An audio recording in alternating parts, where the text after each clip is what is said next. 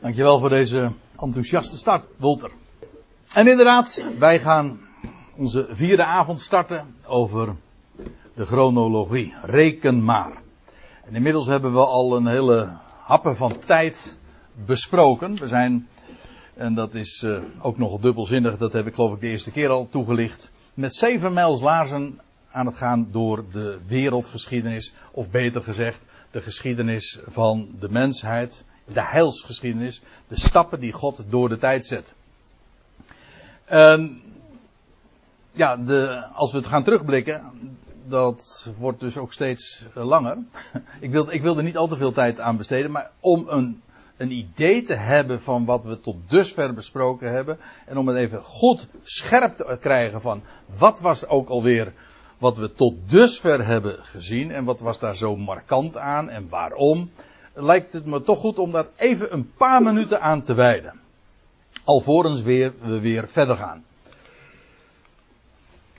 Wat we hebben gezien, en daar kan ik betrekkelijk kort over zijn, de creatie van Adam, daar beginnen we dan te tellen. Dat is het jaar 1. En dan kom je uit in het jaar 2000, zo hebben we dat uh, berekend.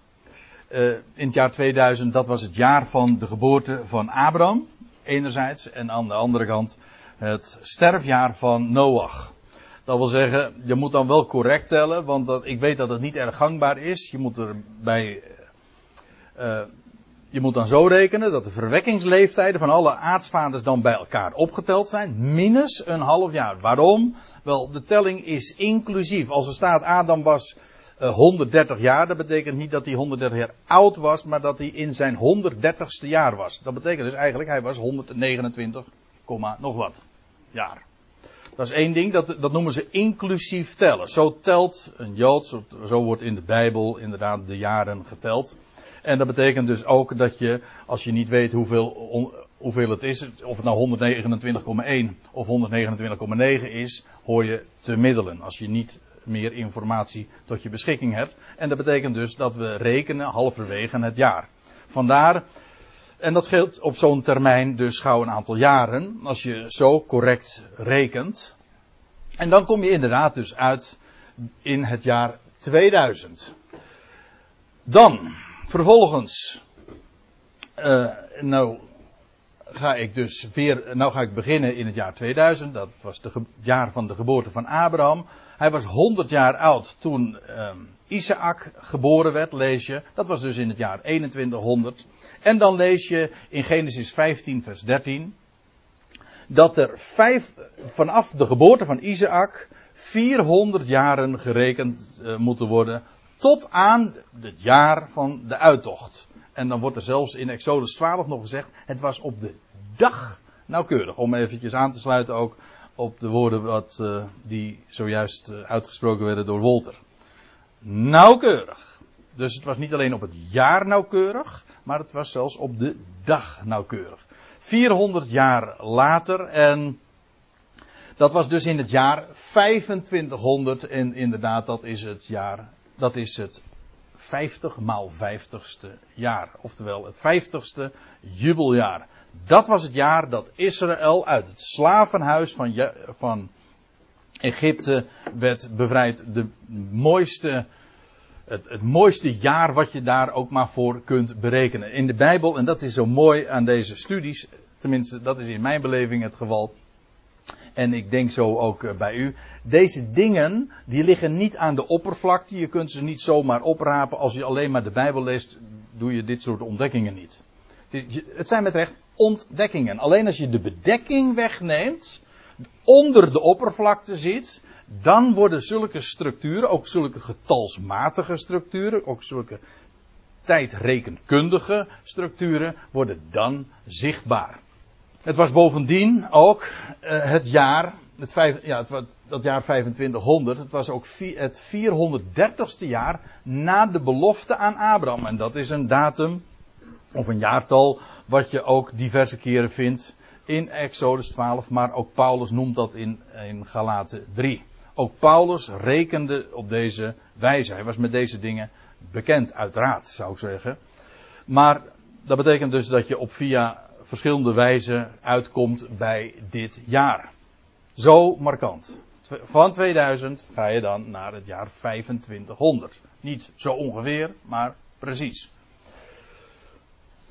En je kunt nog een vijftigtal jaren doorrekenen. En dat was het jaar waarin, dat weten we trouwens ook weer van Paulus, die in de synagoge van Antiochië daar een, een terugblik geeft op de historie van Israël. En dan zegt hij ook dat die periode vanaf de geboorte van Abraham tot aan de verdeling van het land, tot dus, dat dus ook de Sabbatsjarencyclus en de jubeljarencyclus gaat beginnen. Dat is een periode geweest van 450 jaren. Dus dat is 50 jaar na dat jaar 2500. Dat hebben we ook gezien. Dat was trouwens allemaal nog. Oh nee, dat was al de tweede avond. De voorgaande studieavond, toen hebben we ons bezig gehouden met de tijd die daarop volgde. Namelijk vanaf de uittocht uit Egypte tot aan de start van de bouw van de tempel. Dat, is, dat wordt heel expliciet zo genoemd. Daar, dat is inderdaad gewoon een kwestie van Bijbel lezen. Want in Exodus 6, in, pardon, in 1 Koningen 6 vers 1, daar lees je dat dat een periode besloeg van 480 jaar. Het was het vierde regeringsjaar van Salomo. Toen begon hij de bouw van de tempel. En dat was het 480ste jaar na de uittocht uit Egypte. Nou, en dan wordt het inderdaad een simpele rekensom. Want dan kom je uit in het jaar 2980 dat de bouw van de tempel begon. En dat werd voltooid. Inclusief de tempel moet ik erbij dan. Eh, pardon, de, het, het paleis en het hele gebouwencomplex daar in Jeruzalem. Dat werd voltooid in het twintigste jaar daarna. Dat was dus precies in het jaar 3000. Dus 500 jaar na de uittocht uit Egypte. Of Anders gezegd, duizend jaar precies na de geboorte van Abraham. Ja, het is maar hoe je het hebben wil. Maar dat wordt dan inderdaad zo vermeld. Een, periode van precies 500 jaar. En. Nee, dat was toch de avond daaraan voorafgaand uh, hebben we dat besproken. Het is de vorige keer dat we deze tijd hebben bezien, besproken. Goh, ik raak nu al wat dat betreft gauw de, de, de tel kwijt. Dat is geen aanbeveling voor deze jonge man natuurlijk. Hè? Of uh, is het juist omdat ik geen jonge man meer ben? dat zou natuurlijk ook kunnen. Ja. Ja, de 50 is die gepasseerd. In dat jaar in dat jaar 3000, dat de tempel en dat hele paleizencomplex voltooid was, in dat jaar, dat lees je heel nadrukkelijk, wordt uh, er een, een woord gericht aan Salomo. De Heer verschijnt aan hem en hij, en hij doet hem beloften aan de ene kant, maar hij waarschuwt hem ook aan de andere kant. Namelijk dat als Salomo zou afwijken van het woord, dan zou hij de, de, zijn troon niet bevestigen. En het is inderdaad zo gebeurd. Meteen na Salomo's dood is het koninkrijk verdeeld, gesplitst in de twee stammen, in de tien stammenrijk. En eh, het koninkrijk van Israël, de tien stammen, daar is het helemaal uh, slecht mee vergaan, want geen één van de twintig koningen heeft de Heere gevreesd. En bij het huis van Juda was het iets beter, maar ook de meerderheid van die koningen verlieten de weg van de Heer. En dan ook beide huizen, dat wil zeggen het huis van Juda en het huis van Israël, hebben beide twintig koningen gehad. En als je die twintig koningen dan bij elkaar, naast elkaar zet, of achter elkaar dan zo op een rijtje zet, en je leest dan hun aantal, hun regeringsjaren. Die kun je dan gewoon optellen. Maar dan moet je weten dat alleen de regeringsjaren van de twintig koningen van Juda, laat ik het even lezen, zijn volle jaren. Allemaal. En opgeteld, als je, dat, dat is een hele simpele rekensom. En opgeteld is dat 410 jaren. Dat wil zeggen gerekend vanaf dit moment, vanaf dit uh, tijdstip. Dat de Heer verscheen aan Salomo en dat de tempel en bijbehoren compleet was. Maar daar zijn dus de twintig jaren van transitie, de jaren van de troonwisseling niet meegerekend. Dat zijn dus ook 20 jaren. En dan kom je op een totaal uit van 410 jaren, 410 volle jaren, exclusief de jaren van troonwisseling, dat wil zeggen 20 jaren. En dat betekent dat die hele periode vanaf de verschijning van de Heer aan Salomo tot aan de laatste koning, tot aan de verwoesting van Jeruzalem en de tempel, dat is precies 430 jaar geweest. En dat was de ene lijn om dat te berekenen. De andere lijn is, en dat was een veel, veel simpeler verhaal, dat is wanneer we Ezekiel 4 opslaan, en dan zie, dan zie je dat Ezekiel aan het einde ongeveer van die periode dan dat moet uitbeelden met een maquette die hij moest maken van Jeruzalem. En dan moest hij dingen uitbeelden en dan moest hij op zijn zij gaan liggen, 390 dagen aan de ene kant en 40 dagen aan de andere kant. En dan wordt er gezegd, elk dag, elke dag wordt gerekend voor een jaar. Dat wil zeggen, 390 en 40 jaren, dat slaat op de periode dat Jeremia geprofiteerd heeft. 349 jaren, uh, die gingen vooraf aan de verwoesting van Jeruzalem. Dat heb ik allemaal zo naar voren gebracht aan de hand van dit schriftgedeelte, zodat je dus zodat er twee getuigen maar liefst zijn. Eigenlijk is er nog een derde getuige. Want het hele verhaal is dat er dan na die 430 jaar een periode volgt van 70 jaren. Zodat er opnieuw weer een periode is afgesloten van exact 500 jaren. En dat is zo opmerkelijk, want die 500 jaren, eh, die, laat ik het anders zeggen, die 70 jaren van de verwoesting van Jeruzalem, die waren staat er heel uitdrukkelijk bij. Ik zal het straks trouwens nog een keer lezen. Die waren een vergoeding van de Sabbatsjaar. Al die tijd heeft men niet, of niet juist, niet gelovig, de Sabbatsjaren gehouden. En de Heer heeft ze gewoon genomen.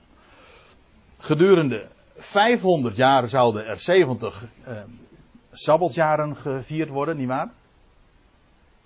Elke zevende jaar was een sabbatsjaar, dus over een periode van 500 jaar heb je 70 sabbatsjaren. Ja, dat wil zeggen en uh, nog de 10 jubeljaren. Nou, ik ga dat rekensommetje nu niet doen, maar het is een vrij simpel verhaal. Als je al deze avonden tot dusver gevolgd hebt, dan, dan moet, je, moet dit uh, toch inmiddels een klein beetje duidelijk geworden zijn. Klopt het wat ik nu zeg? Ja. Nou ja. 70 jaren waren een vergoeding van die sabbatsjaren. Gedurende die 500 jaar zou men dus 70 sabbatsjaren hebben gevierd. En, nou krijgen we weer iets eigenaardigs, iets heel bijzonders. Het 70ste jaar, dat is dus het jaar 3500, was tevens het 70ste jubeljaar sinds Adam. Dus trouwens, en dat kan ik u nu op voorhand al zeggen, vanavond gaan we ons met dit jaartal met name bezighouden. Dat jaar 3500 zijn dan, als je de hele heilshistorie als een, een week van millennia beschouwt, ben je dan ook precies op de helft. Hm? Zeven dagen zijn 7000 jaren, zo rekent de Heer. En dan ben je dus in het jaar 3500 op de helft. Eigenaardig genoeg noemen historici deze periode ook de scharniertijd. Ook, ook wel de, de speeltijd. Omdat het een jaar is, uh, of nee, niet specifiek een jaar, maar die hele periode. Uh, de, een jaar waarin totale uh, nieuwe start werd gemaakt in, in tal van opzichten. de grote denkers werden de, de, de, grote denkers en, en, de grondleggers van de beschaving, die stammen uit die tijd. Ik heb daar ooit eens een keertje een, eh, een paar avonden ook aan gewijd. Dat is echt buitengewoon boeiend. Maar het valt buiten dit bestek. Maar goed, het is wel een aardige bevestiging daar ook weer van. Het is een scharniertijd.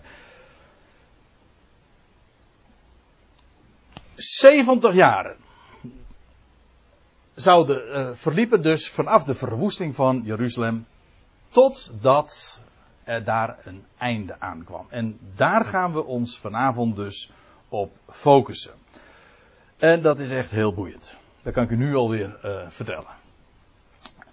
Dan beginnen we nu dus eigenlijk met, uh, met een nieuw verhaal. Nou is niet helemaal waar, want de vorige keer hebben we ons al even bezig gehouden met 2 Kronieken 36. Dat is het laatste hoofdstuk van het boek Kronieken, van de beide Kroniekenboeken. Waarin dus beschreven wordt de, de val van Jeruzalem, hoe het ingenomen wordt door koning Nebukadnezar, de koning van het wereldrijk van Babel. En hoe de hele stad met de grond gelijk gemaakt wordt. Maar dat niet alleen, ook de tempel gaat in vlammen op. Laten we dat nog eens lezen. Om het scherp te krijgen. 2 Kronieken 36. Hij, dat is, dan gaat het over de Heer, deed de koning der Galdeeën, de, koning van Babel, meer specifiek, tegen hen, Israël, optrekken.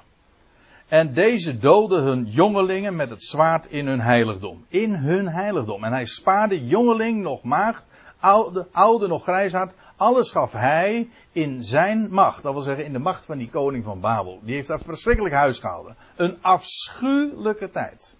Die verwoesting van Jeruzalem. Echt afschuwelijk. Wij weten, bedoel, we hebben nou recentelijk. En we ook weer vreselijke dingen meegemaakt. En zo dichtbij huis. En dat zijn we eigenlijk nauwelijks meer gewend. Ik bedoel, zo dicht bij huis. Maar dit is nog even wat anders hoor. Wat daar toen is gebeurd. Nou, laat ik dat er gewoon even verder lezen. Daar staat er al het gerei van het huis Gods. Van de tempel dus. Dat 430, die 430 jaar geleden was ingewijd. Al het gerei van het huis Gods. Het grote en het kleine. De schatten van het huis des Heeren. Met al het goud en zilver dus. En al de schatten van de koning en, en van zijn vorsten. Alles bracht hij, Nebuchadnezzar, naar Babel. En zij verbrandden het huis Gods. En ze braken de muur van Jeruzalem af. Al zijn paleizen verbrandden zij met vuur en alle kostbaarheden vernietigden zij. Ik moet er trouwens aan, nog uh, aan toevoegen.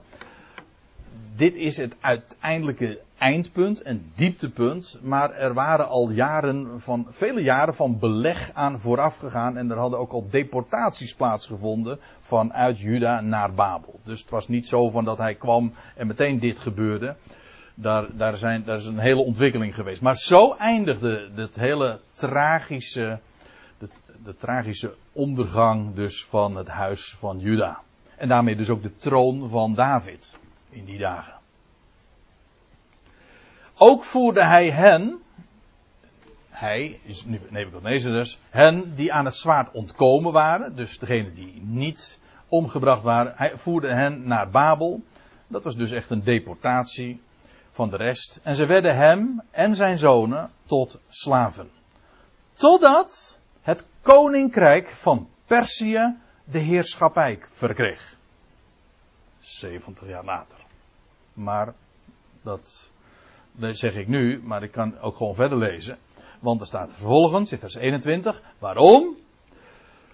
Om het woord van Yahweh door Jeremia verkondigd. Jeremia, dat was die profeet, u weet wel, die, laat, die de laatste 40 jaren voorafgaand aan de ondergang van Jeruzalem geprofeteerd heeft. Die dat ook allemaal heeft meegemaakt. Die naar aanleiding daarvan ook een boek heeft geschreven, het boek van de klaagliederen.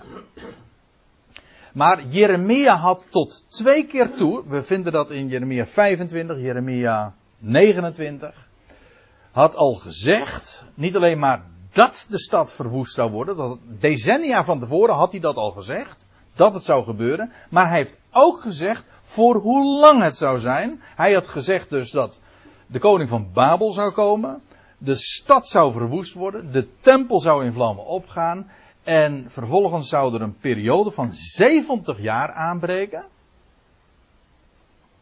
Dat wordt allemaal nauwkeurig gezegd. En dat staat er ook bij, om het woord van Yahweh door Jeremia verkondigd in vervulling te doen gaan. Totdat het land zijn sabbatsjaren vergoed gekregen heeft. Al de dagen die het woest lag, heeft het gerust om 70 jaren vol te maken. En hier zie je hier weer in een periode van 500 jaren. Er worden er 70 sabbatsjaren gevierd. En dat betekent dat je inderdaad dus weer aan het einde van die 70 jaar weer eh, bij een jubeljaar uitgekomen ben. En wel een heel bijzonder jubeljaar, jubeljaar namelijk het 70ste jubeljaar vanaf Adam. Dus al die tijd heeft dat land braak gelegen. Gewoon woest gelegen en heeft, is er niks op geproduceerd, niks, ge, niet gezaaid, niet geoogst, helemaal niks. 70 jaar lang. Zoals voorzegd. En dan staat er nog bij, en zo sluit het boek eh, Kronieken dan ook af, maar in het eerste jaar van Kores, dat wil zeggen het eerste jaar dat hij de wereldheerser werd, dat hij heerser werd te Babel. Het was, het was niet zijn eerste regeringsjaar, want het is het eerste jaar dat hij de wereldheerser was. Hij verover, het, het Babylonische Rijk maakte plaats voor het Medische Rijk, eh, pardon, het ja, Medo-Persische Rijk, of ook kort genoemd wel het Persische Rijk, maakte plaats voor dat rijk. En de grote man daarvan, hij wordt ook genoemd Cyrus of Kores de Grote. En tot op de dag van vandaag is hij de man in de historie voor Iraniërs, voor Persen dus. Kores, Cyrus, de Grote. En hij werd de volgende vorst in, van een nieuw rijk in Babel. En dat zou, het zou nog jaren duren, eeuwen duren, voordat er weer een nieuwe koning kwam, daar een nieuw wereldrijk, ook weer met als hoofdstad Babel. En dat zou door Alexander, ook de grote trouwens. Alexander van het Griekse Rijk. Die zou ook zijn, zijn hoofdstad vestigen daar in Babel. Dat was het derde rijk. En er komt nog een vierde rijk, kan ik u vertellen. Maar dat is nog toekomst. Zover uh, zo zijn we nog niet. In het eerste jaar van Kores, de koning van Perzië, wekte de Heere, jawel, opdat het woord des Heren door Jeremia verkondigd zou worden voltrokken, de geest van Kores, de koning van Perzië, op. Dat is een beetje een ingewikkelde zin. Ik geef, uh, ik geef Nederlanders aan, uh, aan, buitenlanders. En dan moet je dan uitleggen, heb, heb, je separabele werkwoorden. Hè? En toen wekte hij op. Dus dat, is eigenlijk één woord, opwekken. Maar dat, dat is een beetje lastig om dat allemaal zo te herkennen. Maar goed, uh, u, u bent geen NT2-klas. U spreekt het allemaal vrij goed, u begrijpt hem. Maar even dit. Wekte de Heere de geest van Kores, de koning van Perzië, op. Ja, hoezo? Hoe deed hij dat? Nou, ik kan u dit vertellen en ik ga het straks ook aantonen. Vanwege en door de voorzeggingen die over hem gedaan waren. En dat is nogal spectaculair. Kan ik u vertellen. God had dus van tevoren gezegd hoe lang die termijn zou duren. En gewoon in het eerste jaar dat hij de wereldheerser wordt en daarmee ook de heerschappij van, Bab van het Babylonische Rijk ten einde is. In dat eerste jaar, eerste de beste wat hij doet in datzelfde jaar, is een eind maken aan die periode van 70 jaar, zoals voorzegd door de profeet Jeremia. Zo staat het. Zo eindigt het boek Kroniek ook. In feite dus heel hoopvol. Na alle drama en alle afval en alle verval dat geschilderd was, want in die zin is het niet erg. Het is geen vrolijk makend boek, maar het eindigt zo hoopvol. Maar de Heere wekte die geest van Korevers op. Ik heb hem al expres even onderstreept en we gaan er straks uh, verder op in. Maar er staat er nog bij om, waarom? Om door zijn gehele koninkrijk, in dat hele wereldrijk van Perzië, ook in geschriften, dus zwart op wit, deze oproep te doen uitgaan. En dit is het laatste vers van dat hele boek dan. Zo zegt Kores. De, de machtigste man van die dagen in de hele wereld. Zo zegt Kores, de koning van Perzië. Alle koninkrijken der aarde heeft de Heere, Jaweh, de God van de hemel, mij gegeven. En hij heeft mij opgedragen hem een huis te bouwen in Jeruzalem, in Juda. Nou, is dat niet opmerkelijk? Probeer je even voor te stellen. Een heidense koning. De gemachtigste man, die nu zijn hoofdstad had in Babel, het eerste jaar. Het eerste wat hij doet, zodra hij die in die positie komt, is doen wat de profeet Jeremia had voorzegd. Dat zou gebeuren in dat jaar. Maar ook de erkenning van Kores dat hij dan zegt, de Heere heeft het mij opgedragen, de God van de hemel. Om, waarom? Om, om voor hem een huis te bouwen in Jeruzalem, in Juda. En dan een heidense koning. Geen Jood. Iemand, niet iemand die opgegroeid was met de schriften, zoals de Hebreeën dat hadden en kenden. Maar dan krijg je toch de vraag, hoezo? Vanwaar deze erkenning van deze man? En hoezo opgedragen? Hij zegt, de God des hemels heeft, heeft mij opgedragen. Hoezo? Was er, lag daar een opdracht dan voor hem? Oké, je zou kunnen zeggen van ja, maar Jeremia had gezegd dat het 70 jaar zou duren. Ja, maar dat is toch niet een opdracht aan hem? Maar, en vanwaar ook die erkenning? Gewoon ingeschreven, zwart op wit heeft hij dit zo, heeft hij dit zo vast laten leggen. En zo is het woord uitgegaan. En zo is, is eh, een einde gekomen, officieel, aan de ballingschap van Israël. En dat niet alleen. De terugkeer naar Jeruzalem. En tevens de herbouw van de tempel. En dan zegt hij er nog bij, wie nu onder u tot enig deel van zijn volk behoort, ongeacht van tot welke stam, de Heere zijn God, die zijn met hem, hij trekt op. Dit is het laatste van het boek Kronieken. Trouwens opmerkelijk dat het einde van Kronieken meteen het begin is van het boek Ezra. In de Bijbel zie je ze ook achter elkaar. Hè? Want deze laatste versen vind je min of meer uh, gelijkluidend weer terug in het eerste versen van het boek Ezra. Dus het slot is van het ene boek is de, is de aanvang, de start van het andere boek. Vandaar ook dat, men, uh, dat er goede redenen zijn om aan te nemen dat Kronieken is geschreven door Ezra.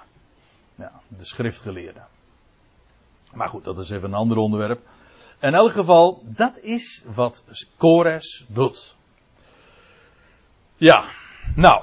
En nou ga ik u iets uh, vertellen en ik neem u mee naar het boek Jezaja. En dat is heel opmerkelijk. Want laat ik u eerst eens even vertellen, eventjes om een indruk te geven van waar we Jezaja moeten plaatsen in de tijd.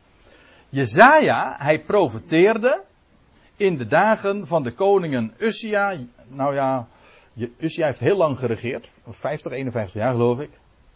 En het laatste jaar lees je dat hij een openbaring ook van de Heer krijgt. En dat, dan wordt Jezaja geroepen.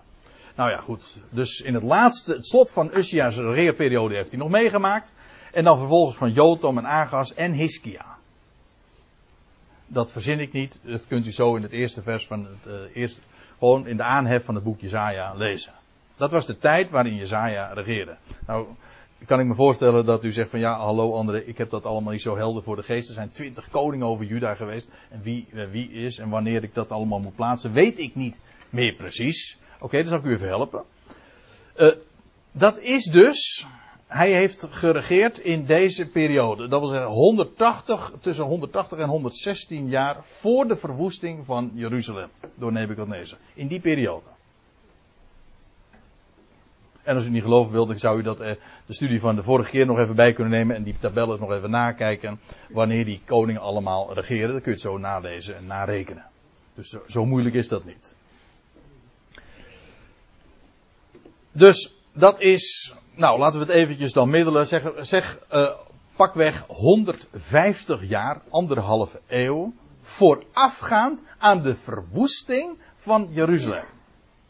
Dus het zou nog, an, anders gezegd, anderhalve eeuw duren voordat Jeruzalem plat zou gaan. En wat uh, we zojuist hebben gelezen in het slot van de kronieken, dat, dat, dat zou nog een decennia, wat zeg ik, anderhalve eeuw zou dat duren. Dat is Jezaja. Dat is de tijd waarin Jezaja profeteerde. Heb u hem? Dat is belangrijk. Dat is heel belangrijk. Want anders zie je namelijk nooit het geweldige van wat we nu gaan lezen. We gaan naar Jesaja 44. En het is een heel vrij lange passage, maar ik, ik wil hem in zijn geheel toch even gelezen hebben. Waarom?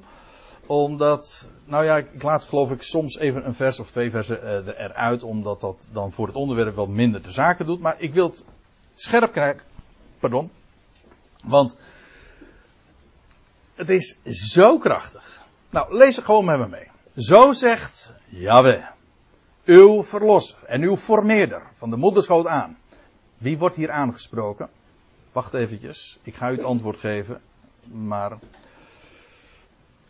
dat zullen we straks namelijk lezen. Hij wordt bij name genoemd.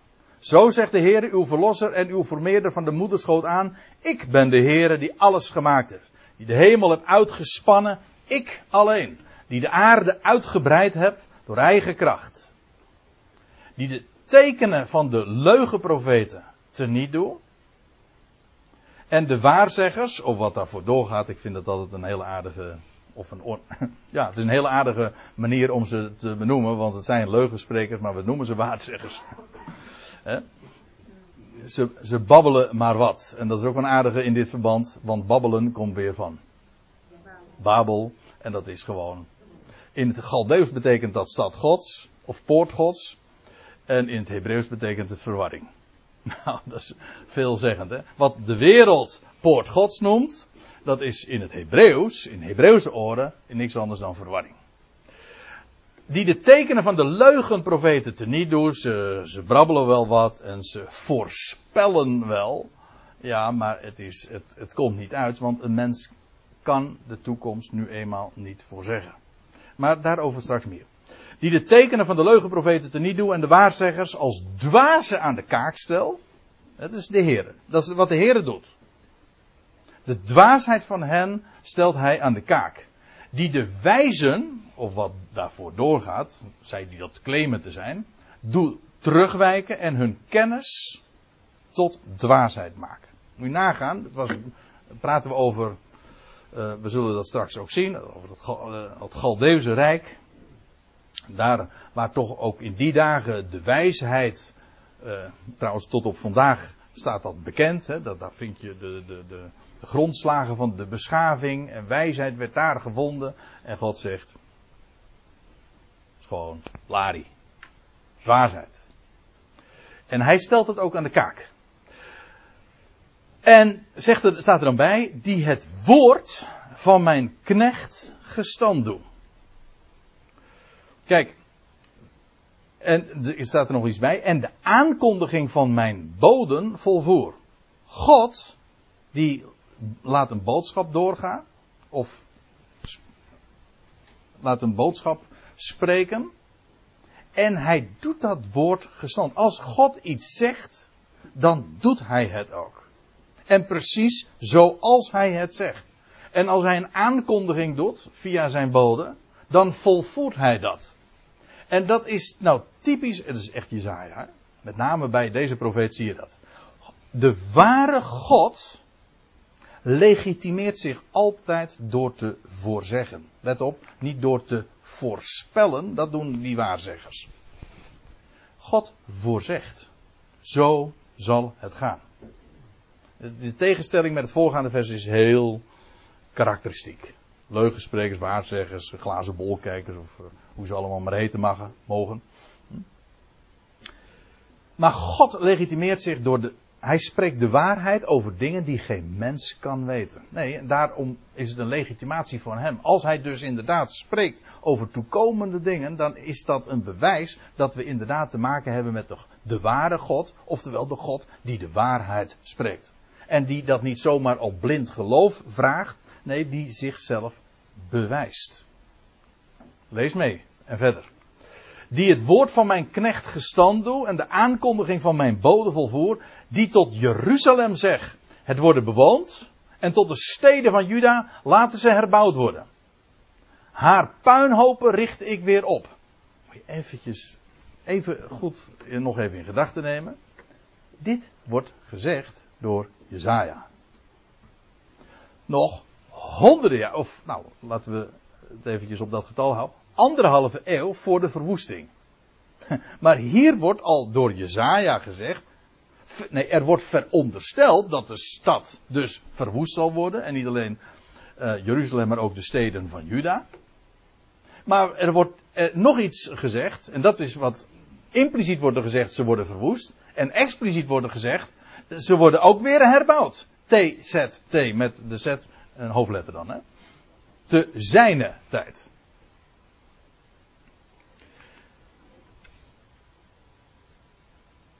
God voorzegt dit dus. Lees nog even met me mee, want ik zei al, het is belangrijk om het geheel eventjes in ogenschouw te nemen en niet zomaar een vers daaruit, want dan krijg je geen, geen beeld van, van waar het werkelijk om gaat. Die tot de diepte zegt, verdroog en uw rivieren doe ik opdrogen. Is ook trouwens letterlijke wijze vervuld, maar ik lees verder.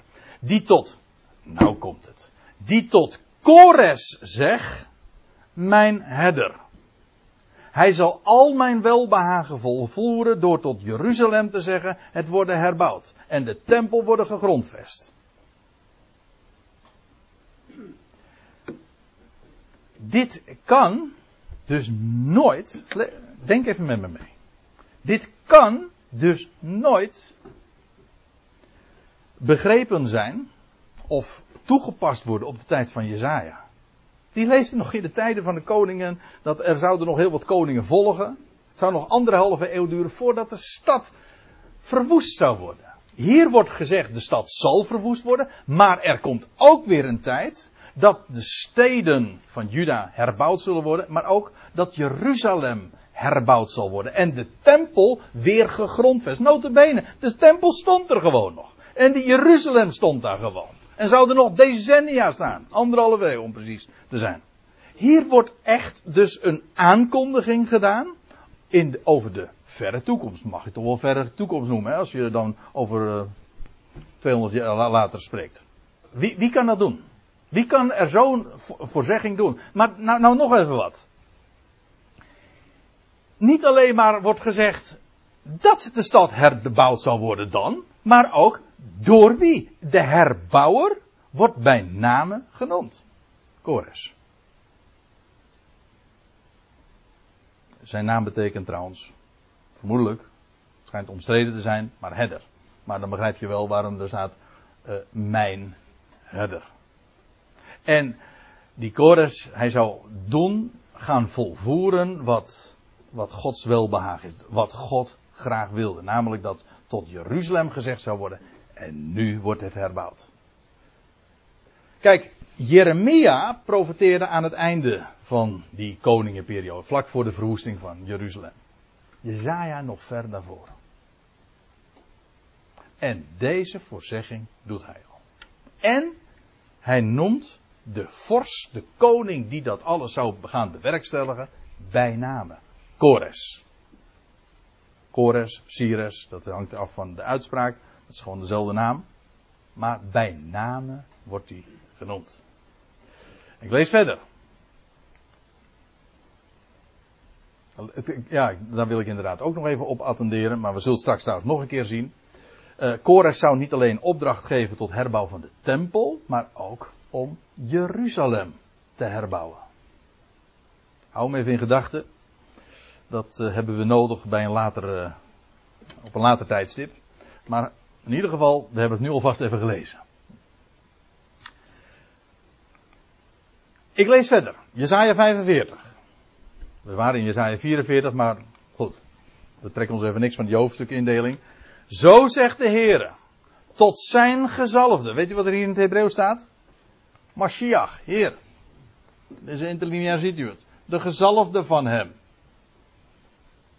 Mashiach. Kores is een Mashiach. Dus, voor een heidense koning. Hij wordt door God zelf een gezalfde genoemd. En hier opnieuw weer bijnamen. Kores was nog lang niet geboren. En hier wordt hij al bij name genoemd. Zo zegt de Heer tot zijn gezalfde, tot Kores, wiens rechterhand ik gevat heb om volkeren voor hem neer te werpen. Ja, en dat gaat er ook over. Voordat Kores eh, inderdaad Babel tot hoofdstad verklaarde. En een nieuw wereldrijk had gebouwd. Had hij inmiddels al uh, vele volkeren ook uh, neergeworpen. En, om zijn rijk te vestigen. Maar het was, en dan staat erbij. Ik, zegt God, ik heb zijn rechterhand gevat. En zodat hij in staat zou zijn om volkeren neer te werpen. De lendenen van koningen ontgort ik. Dat wil zeggen, hij heeft ze allemaal onklaar gemaakt. Om deuren voor hem te openen, geen poorten blijft gesloten. Dat wil zeggen, de Heer heeft gewoon, u weet het hè. Als de Heer sluit, dan kan niemand openen. Maar als hij opent, dan kan niemand sluiten. En voor Kores, zijn tijd, gewoon op het geëigende moment, precies het jaar, nauwkeurig, gaat Kores dat doen. En ik lees nog even verder. Vers 3. En ik zal u geven. Wordt tegen Kores dus gezegd, hè? Die nog lang niet geboren was, maar hier wordt hij in tevoren al bij name genoemd. En ik zal u geven de schatten van de duisternis en de rijkdommen van de verborgen plaatsen. Dat wil zeggen, dat gaat dus hier ook over dat, wat hij allemaal nog uh, zou uh, gaan verkrijgen aan, aan materiële rijkdommen. En dan staat erbij, opdat gij weet dat ik, de Heere, jawel, het ben, die u bij uw naam riep, de God van Israël.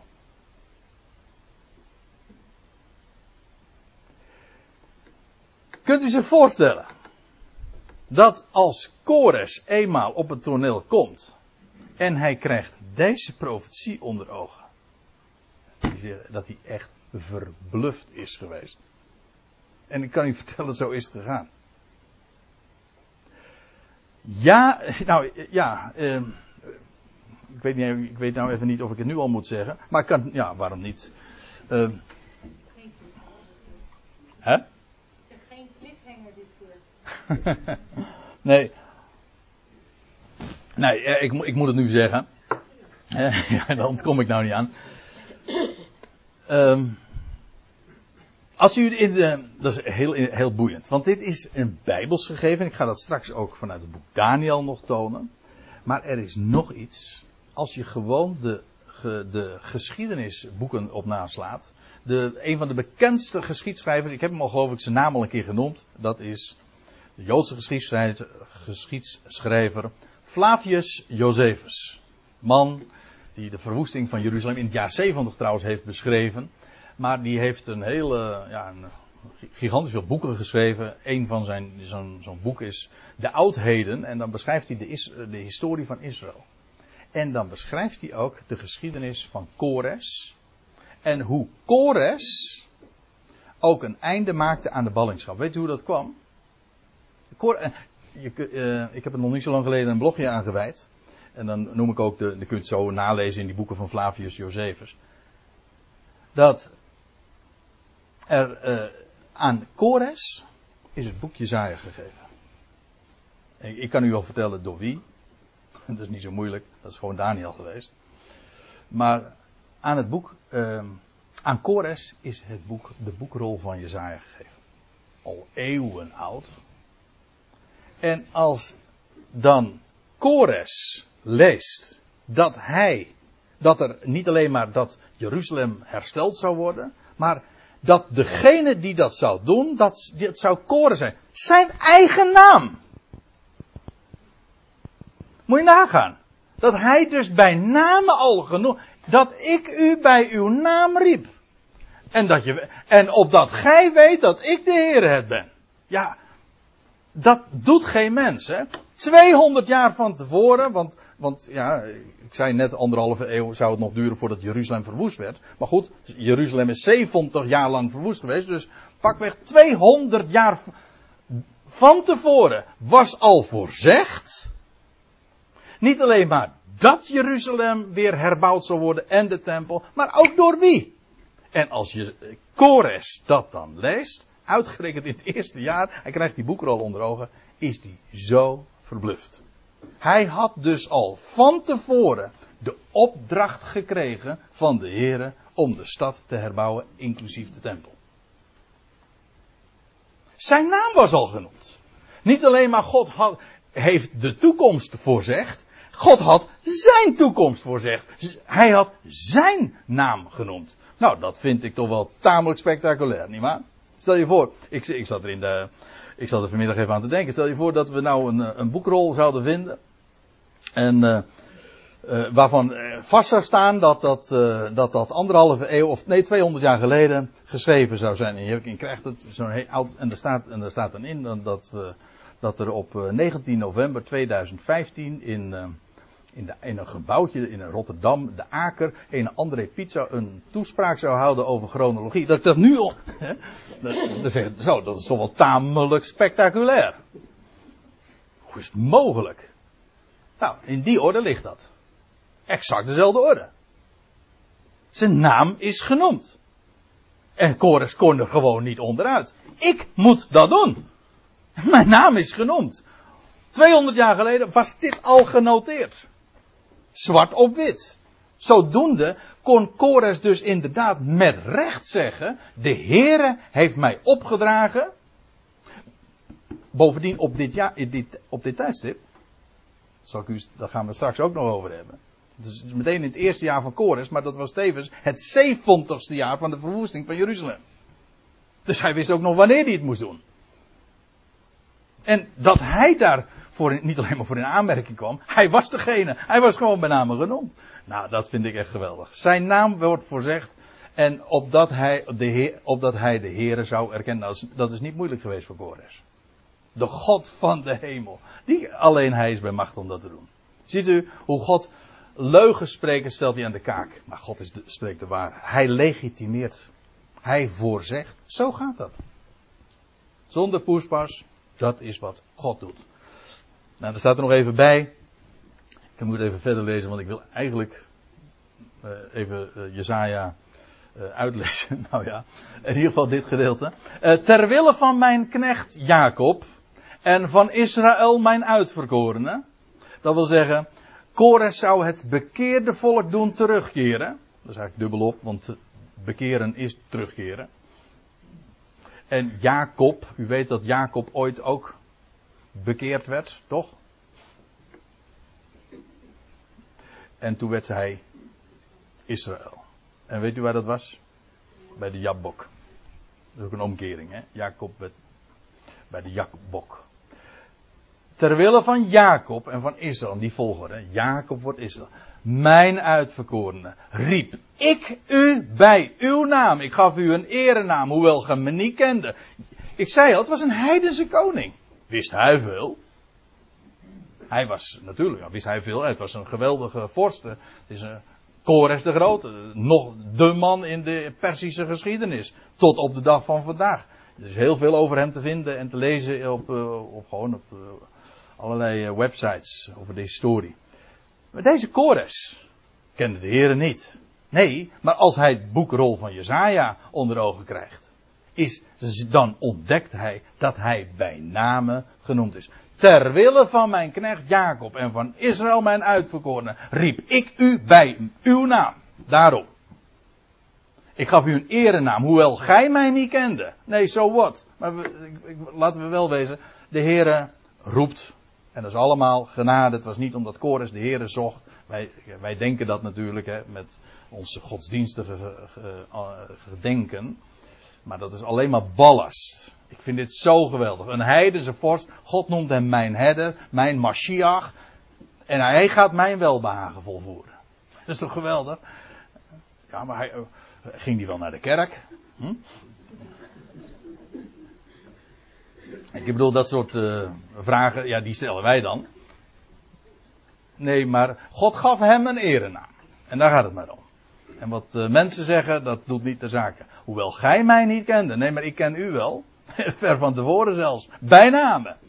Ik ben de Heer, zegt God. Er is geen ander. Buiten mij is er geen God. Eén God. Ik gorde u, hoewel gij mij niet kende. Opdat men weten waar de zon opgaat in het oosten en waar zij ondergaat in het westen. Dat er buiten mij niemand is. Ik ben de Heer, er is geen ander. Wij zijn monotheïsten. Eén God. Ja, die zegt ik. Eén iemand. Die, en dan staat er nog iets bij. En ik weet dat er velen hier zijn dit, die dit vers kennen, maar wist u ook het de hele context? Dat dit tegen Kores gezegd werd. Ik, de Heere, ik ben de Heer, er is geen ander, die het licht formeert en de duisternis schept.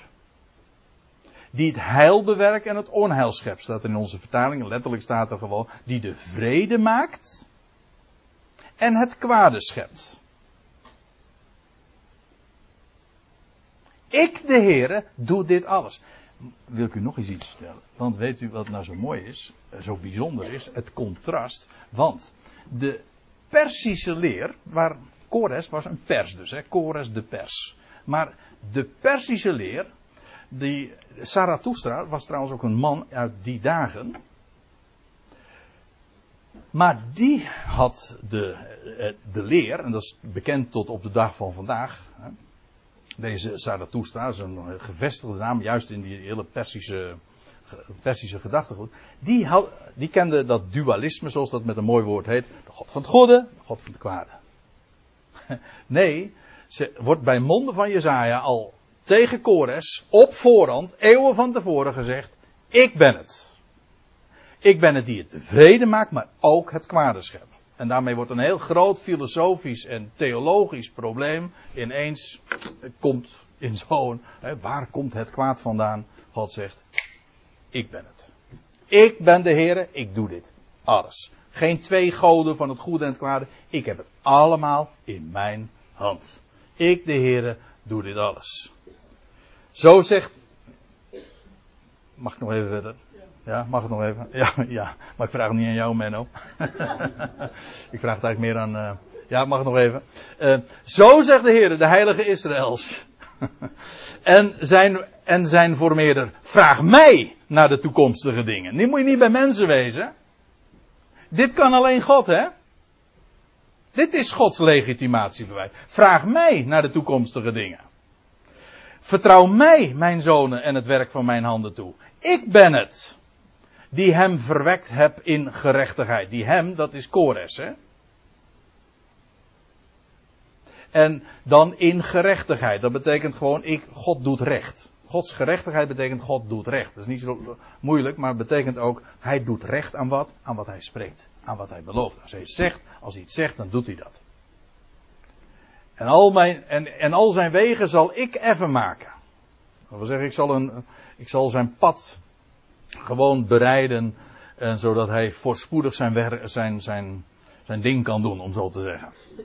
Hij is het die mijn stad herbouwen zal. En mijn ballingen vrijlaten. Zo ver van tevoren wordt dat gezegd. Zonder koopprijs en zonder geschenks, zegt de Heere der Heerscharen. Dat wil zeggen, die ballingen zouden ook nog eens een keertje worden vrijgelaten met ondersteuning. Dat is heel boeiend, hè? Daar hoefden ze niks voor te doen en niks voor te betalen. En bovendien, ze werden nog van, van, met de hoogste autoriteit, namelijk van Kores zelf, werden ze ondersteund met goud, zilver, haven en vee en alles. En alle tempelgerij wat Nebukadnezar in bezit had genomen, kregen ze allemaal weer zo terug. En zoveel meer. Zonder koopprijs, zonder geschenk. Het is genade. Ja. Nou, zover wilde ik in ieder geval even komen voor de pauze. En het is negen uur, dus dat lijkt me ook wel weer een aardige tijd toch, in die zin.